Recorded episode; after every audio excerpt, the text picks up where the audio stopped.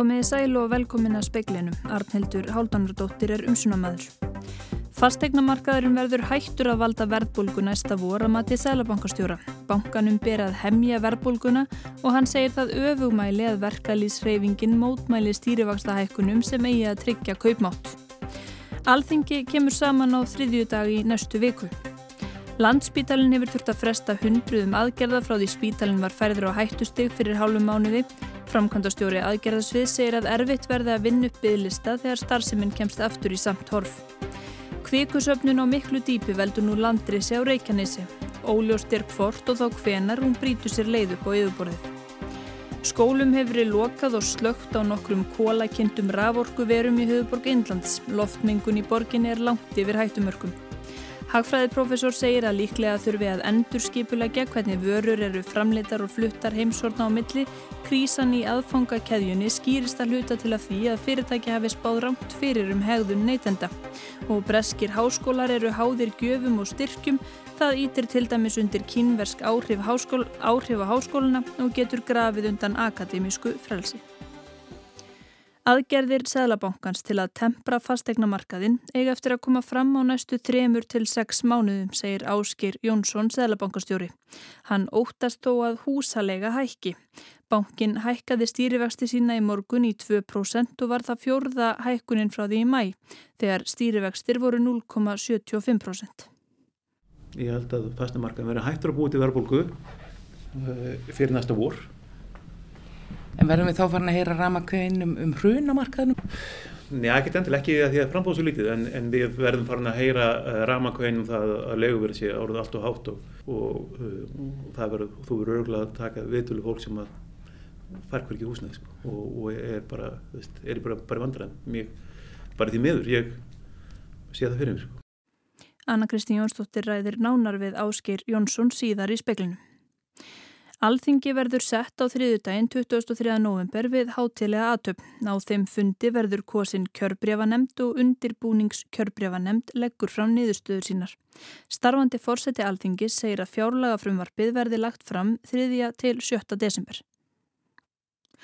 Framhaldsfundur verður síðan á femtudag þar sem tekin verður til umræðu niðurstaða undirbúningskjörbrefa nefndar og greitt atkvæðum hana. Búist er við að niðurstaða nefndarinnar verði ekki gerð ofinber fyrir ná þriðju dag þegar hún verður lagð fram á alþingi og í millitíðinni halda stíf fundahöld áfram. Þetta fyrirkomulag var samþýtt á fjárfundi allra þingflokksformanna nú síðdeis með starfandi fórsetta alþingis Viljum Þór Þórsinni.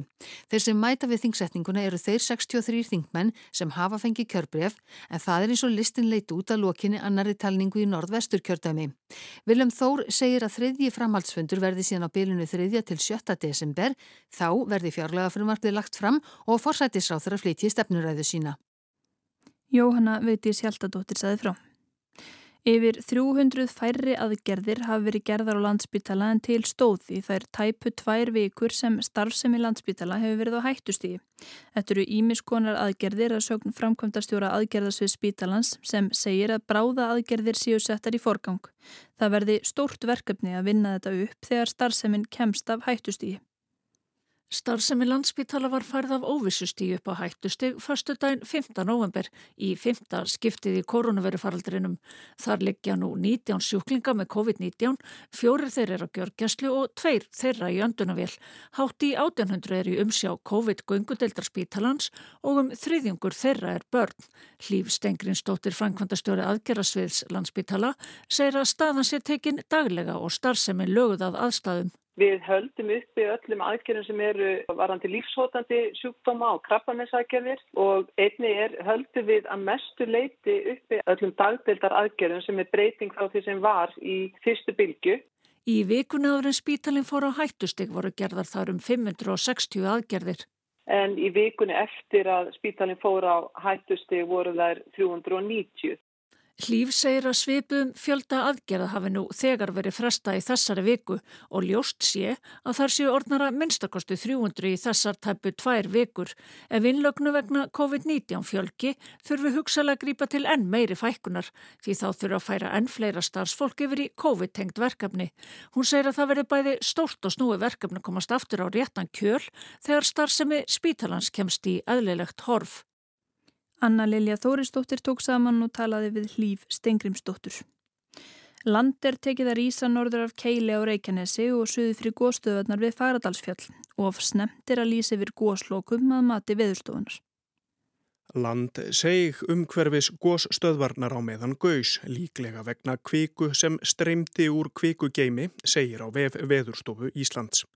GPS-mælar síndu í lok ágúst að byrjað væri að draga úr síinu og upp úr miðjum september var land byrjað að rýsa. Rísið er þó mjög lítið eða um 2 cm þar sem það mælist mest.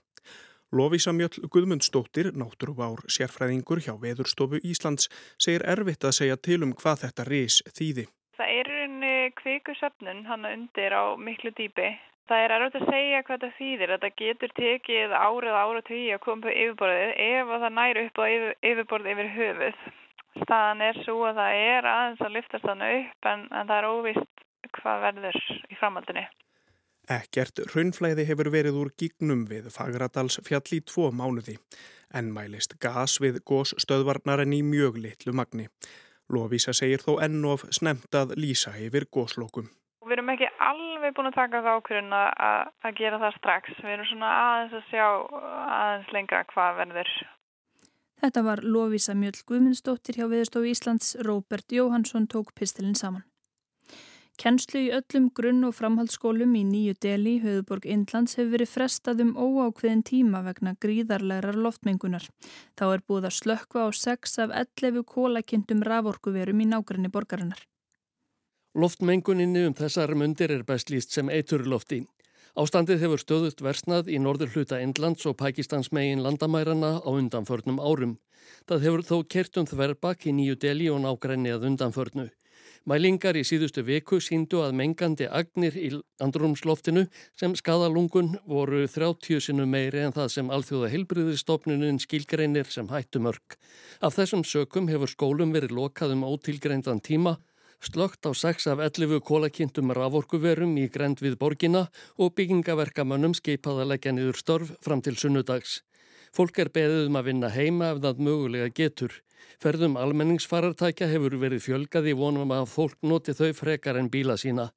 Þá hafa borgarífurvöld skipað að kvekt sí á tækjum til að auka loftaraka að minnstakosti þrís frá dag þar sem ástandið er verst. Mengunin í nýju deli ekst í afnan þegar vetur gengur í gard.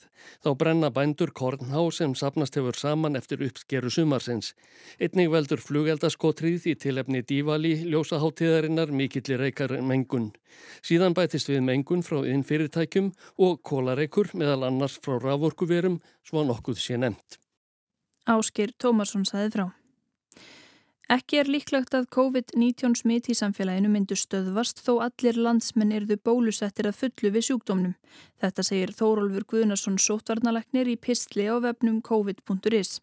Hann telur ekki faglegar forsendur fyrir því að mismuna bólusettum og óbólusettum í samfélaginu og segist laungum hafa haft á afstöðu að varasamt sé að gera bólusetningar að skildu. Íþróttir Geri Hoffmann, formaður ennsku úrvalsdeildarinnar í fótbolta, hefur sagt af sér og mun hætta í upphafi næsta árs. Hoffmann var harlega gaggrindur eftir að krónprins Sáti Arabíu keifti Newcastle í haust. Breskir fjölmiðlar hafa greint frá því að mikil óánægja hafi verið meðal félagi deildinni vegna yfirtöku Mohammed bin Salman, krónprins Sáti Arabíu, á Newcastle. Kaupferlið þótti óljóst og fjöldi manns hafi lagst gegn því að kaupin erðu leið vegna mannréttindabróta í Sáti Arabíu og tengingar bin Salman við morðið á bladamanninum Djamal Khashoggi.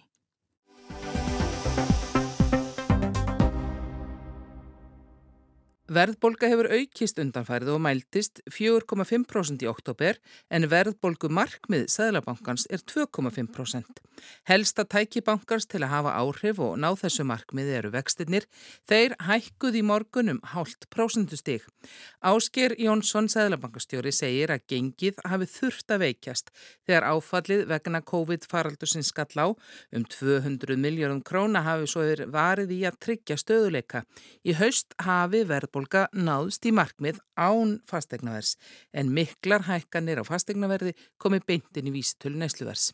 En núna að þá er bara starri hlutar að gerast. Við erum að sjá eh, verðhækkanir auðan og við græðum bæði og töpum á þessum verðhækkunum því að við náttúrulega flýtum líka út eins og ál og fisk og allt þetta og það, það er hækkað en á sama tíma eru allar vörur að hækka sem kom komum til landins og það sem við líka sjá núna er það að miklar launahækkanir, það er þessi hagvastur auki hann er núna að dettinn sem ég til að það sé óheppilegt núna. Og líka í ljósið þess að þetta er, áfall, þetta er COVID áfall, þetta er fyrsta áfallið í sögu og liðvöldisins að við höfum ekki að varið heimilin. Við höfum skilningi, við höfum ekki séð kaupmáttlækka við höfum ekki séð fjárhagsvandræði í neina mæli.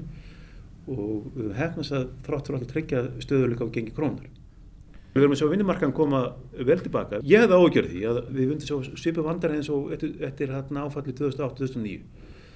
Atnuleysi sem er bara lengi, fullt af fólki sem er dett út af vinnumarkaði og ekki komast aftur inn. En við erum að sjá núna bara fullt af stjórnum skapast. Atnum þátt eitthvað er að vaukast og, og við erum að sjá bara mjög kröftuan vinnumarkað sem er bara mjög gleðilegt. Drífa Snædal, fórseti Alþjóðsambands Íslands, sagði í hátægisfréttum að vakstahækkunin hefði af launafólki eina umsamda launahækkun á samningstímabilinu og það væri alvarlegt mál. Seðlabankin hefði lækkað vexti bratt þegar faraldurinn skall á og fólk gert ráðstafanir miða við það.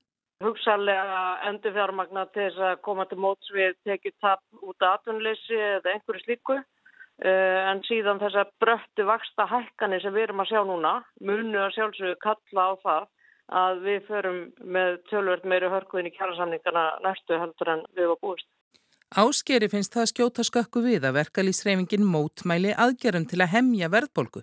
Ég þarf náttúrulega auðmælega því að Sælabankin hefur það hlutverk að tryggja verðbildi í þessu krónur og tryggja það að fólk geti samið í Íslandi á þess að eiga þá hættu að eiga neina verðbólka tækina samning á, á allan og skjön. Verkefælisfélun eiga allt undir því að við höldum stöðuverleg. Ef, ef er ekki stöðuverleg á verðbólka þá er vinnumarkaðin komin í tílingavanda og er í röggl eins og hann var hérna á árum áður. Fastegnamarkaðun er í mjög sérkjænlegri stöðu, segir Ásker. Lítið frambóð, mikil eftirspurn og hún hverfur ekki bráð. Þar skiptir aðflutt vinnuaflmáli. Það þýðir ekki lítið á þetta fólk sem kemur hérna sem bara einhver hjóli í einhverju keðju. Þau þurfur líka soföggstöður og borða og, og, og dvelja þannig að það getur vel verið að við, við getum stoppað að hækka um fastnæður en þá byrjar bara leguverð að hækka. Þetta er bara, bara það mikið fólki í Íslandi sem, sem vantar húsnæði. Sko.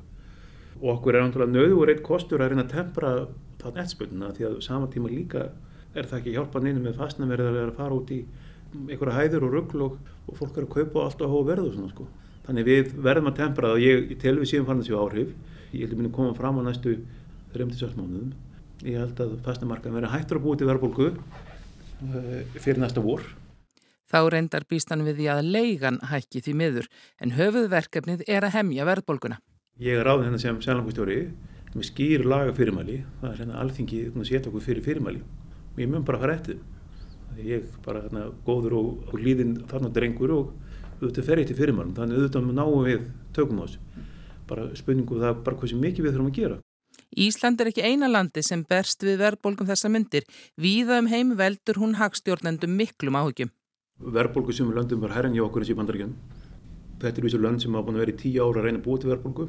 Þeir taka vextinir í null og alls konar, sko, sem ekki vandamál sem við höfum verið hér. Mitt að álítið það að þessi selabankar úti sé bara eftir þú sent. Ég held að þeir þurfa að stíga til dúra hratt fast á brönsuna þegar kemur á næsta ár. Við erum vanir þessum vanda hér. Það sem ráð sem við tókum var að reyna að bregðast til dúra svona hægt þannig að við myndum ekki þurfa að stíga á brönsuna harkalega. Við þurfum, þurfum að hækka vextum aðeins meira núna.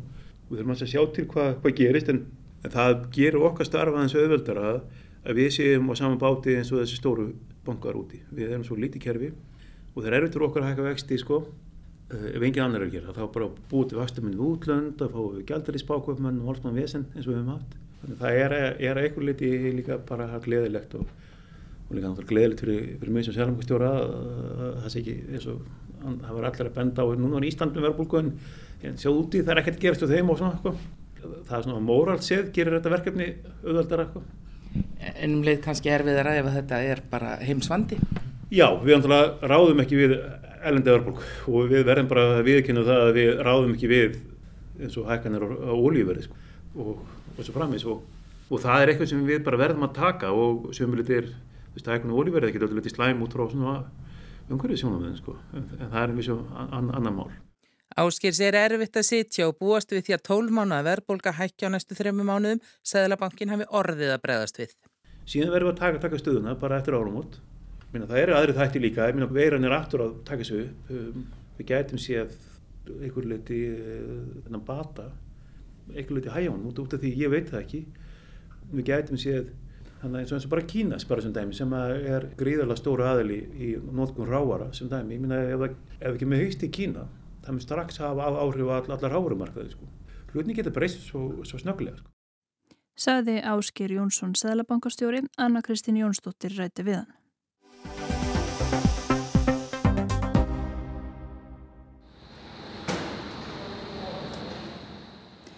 Aðfanga keðjan hefur lengi verið vel smurð, svo vel smurð að fyrirtæki þurftu varla eiga lagar af neinu.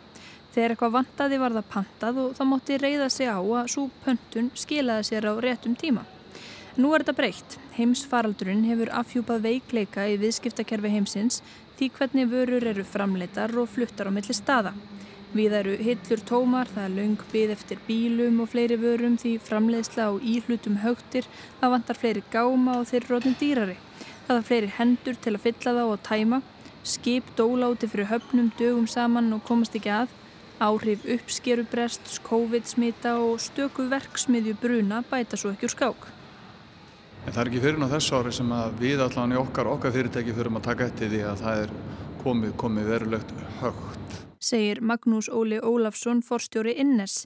Heilsalan hefur lendi vandraði með að fá vörur, engum frá Asíu og Magnús telur það fyrst og fremst tengjast skorti á verkafólki sem oft kemur langt að.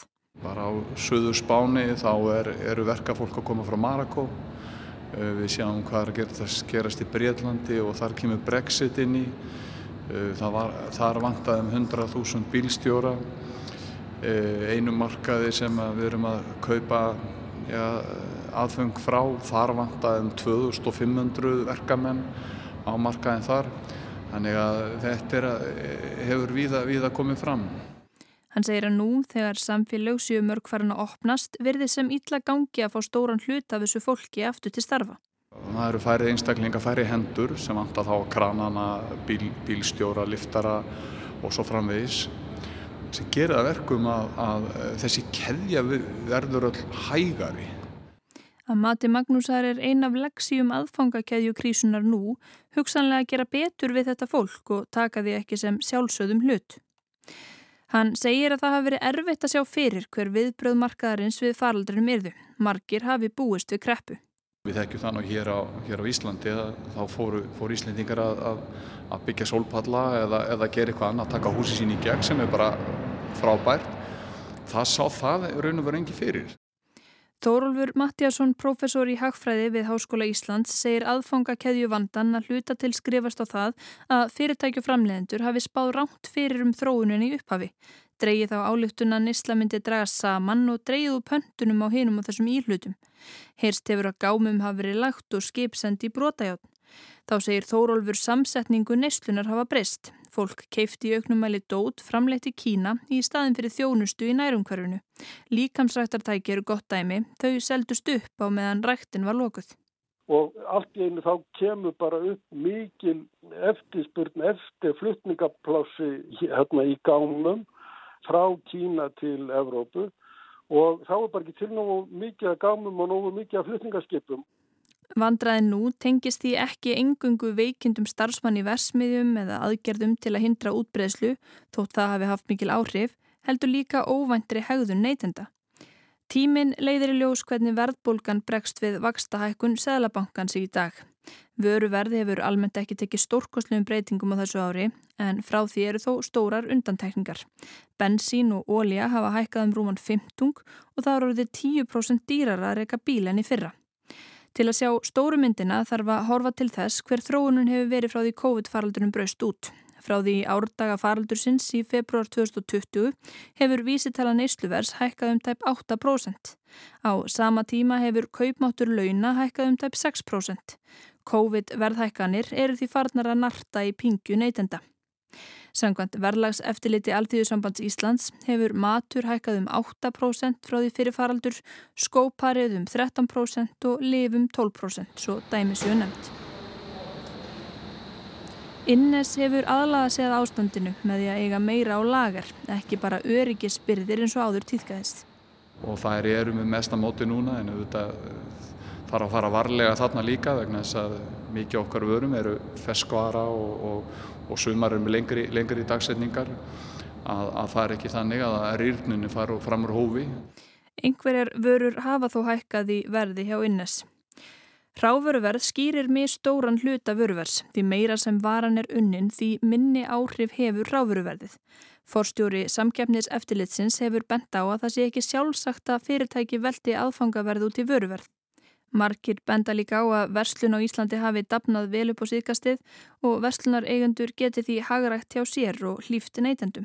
Og við þurfum að sjálfsögðu líka að leita inn á því hvaða aðra, aðra þætti þurfum við að rýna í. Getum við gert hlutina með einhverjum um, hagkvæmari og ódyrrari e, þætti eins og við höfum gert hérna í nýjum húsakinnum okkar á korgurum þremur. Það er mikil sjálfvirkni.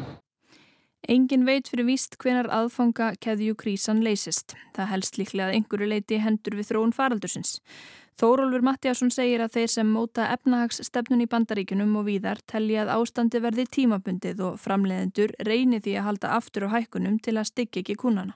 Þeir geta það náttúrulega ekki endalust ef að verðhækkunin á ráðvörunni viðfælst yfir langan tím og ef að verðhækkunin er mjög almenn að þá verður það að hleypa því út í. Viðkvæmni aðfangakeðjunar kom Magnúsi á óvart og hann telur að mögulega þurfa að snúa við þróun síðustu áratöga sem hefur snúist um að halda lagarnum í algjöru lámarki. Svo stefna er kölluð just in time. Það er nánast að bílegin bilar, það má ekki eiga neitt vararlut, það þarf að alltaf sér senda allt inn. Þetta eru það sem bara fyrirtæki þurfa og stjórnundu þurfa að spyrja sjá. Hversu, hversu sparlega vilja þeir fara með að liggja með lítinn sem engan lagur en verða síðan í rekstralug stoppi eða uppkoma eitthvað vandamál. Því að svo maður ekki ráð fyrir því að þessi veiri eða eitthvað annað, það getur komið, komið upp á einhver önnu byrtingamind. Þórólfur telur líklegt að fleiri fyrirtæki byggja upp meiri lagar. Þá geti farið svo að áhættunum verið dreift og meira keift frá nágrannaríkjum. Justin Time stefnan hafi um margt gefist vel og lækkað fjármáskostnað vegna vöruhalds en algjört lagarsleysi sé hugsanlega á undanhaldi. Það er líklegt að eitthvað af þessum kerfum verði endur skipulög og það getur vissulega orðið til þess að hluta framleistunni verði dýrari heldur en hann er núna það mun ekki munan einum ósköpum við höfum að tala um einhver, einhver 1-2% á stórum hlutum eins og, eins og bílum og, og, og öðru, öðru þess aftar. Saði Þórólfur Mattiasson, einni var rætt við Magnús Óla Ólafsson.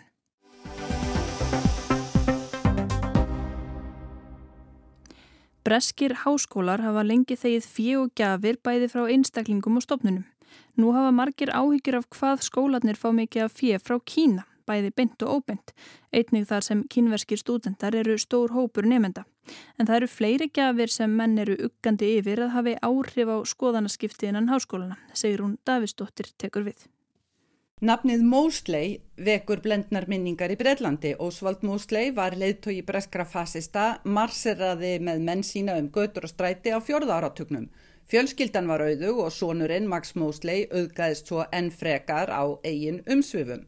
Max lést á árinu en hafði áður lagt fjölskylduauðin í digran góðgerðasjóð í minningu sonar síns Alexanders Mosleys sem lést af ofneislu eiturlifja 2009. Sjóðurinn hefur nú gefið Oxford háskóla 6 miljónir punta, rúman miljard króna, til að byggja nýjan stúdendagarð. Skólinn segir gjöfina hafa verið vandlega gaumgæfða eins og allar gjafir niðurstaðan svo að ekkert væri því til fyrirstöðu að þykjana. Gjöfin hefur þó valdið andofi, óviðeigandi að háskólinn haldi nafni og skoðunum mósleis á lofti, skoðunum sem Max hafnaði aldrei. Þessi gjöf er ein fjölmarkra umdeildra gjafa til breskra háskóla. Blavatnik School of Government er deild Oxford háskóla um ofinbera stefnumótun og stjórnarhætti.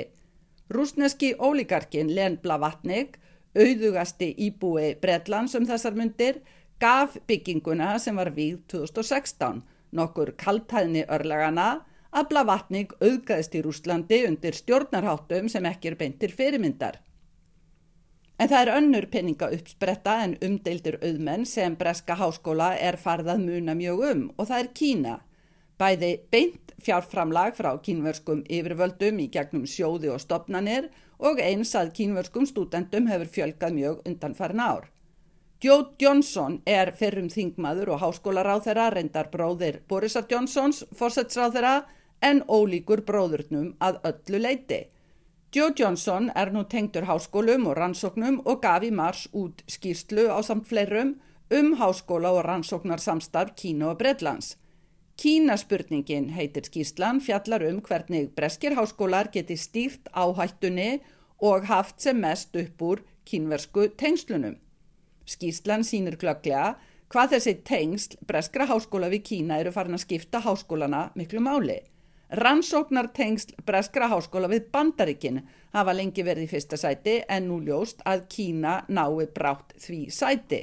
Því fylgir áhætta eins og Johnson bendi á í viðtali sumar. Lucrative research partnerships, valuable academic exchange agreements and, and training programs in China have the potential to be used against universities as bargaining chips. Ábatasum rannsóknarsamvinna, verðmætt samskipti og þjálfun við kínverska háskóla getur mögulega verið nótuð til að skapa stöðu, sagði Johnson. Það er stöðu til að þrýsta á háskólana. Í skýslun er bent á að yfirgripsmikil samskipti Kína og háskóla séu áhættu þáttur en þar skorti yfirsín og upplýsingar til að greina áhættuna og stýrani. Árið 2000 var um 1% vísindagreina bresk-kínversk samvinna. Árið 2019 námu þessar greinar um 11% af byrtum greinum. Kínverst brest háskólasamstarf nær yfir 20 svið þar á meðal rannsóknir á sjálfvirkni og stýringu, fjarskiptatækni og þróun og virkni nýra efna. Í þessum leikil rannsóknum samtímans nefnur bresk-kínversk samvinna 30% af byrtum greinum en aðeins 20% á öðrum sviðum. Í skýslunni reyting bent á að samskipti Kína og Breitland séu hápolítíst deiluefni. Þrátt fyrir traustan meira hluta íhjálpsflokksins í þinginu láfið að þingið samþykti að útiloka breska viðskiptasamninga við lönd sem hefðu orðið uppvís að þjóðarmorðum hefði þá útilokað samninga við Kína, sínir tortrygni gegn Kína í íhalsloknum.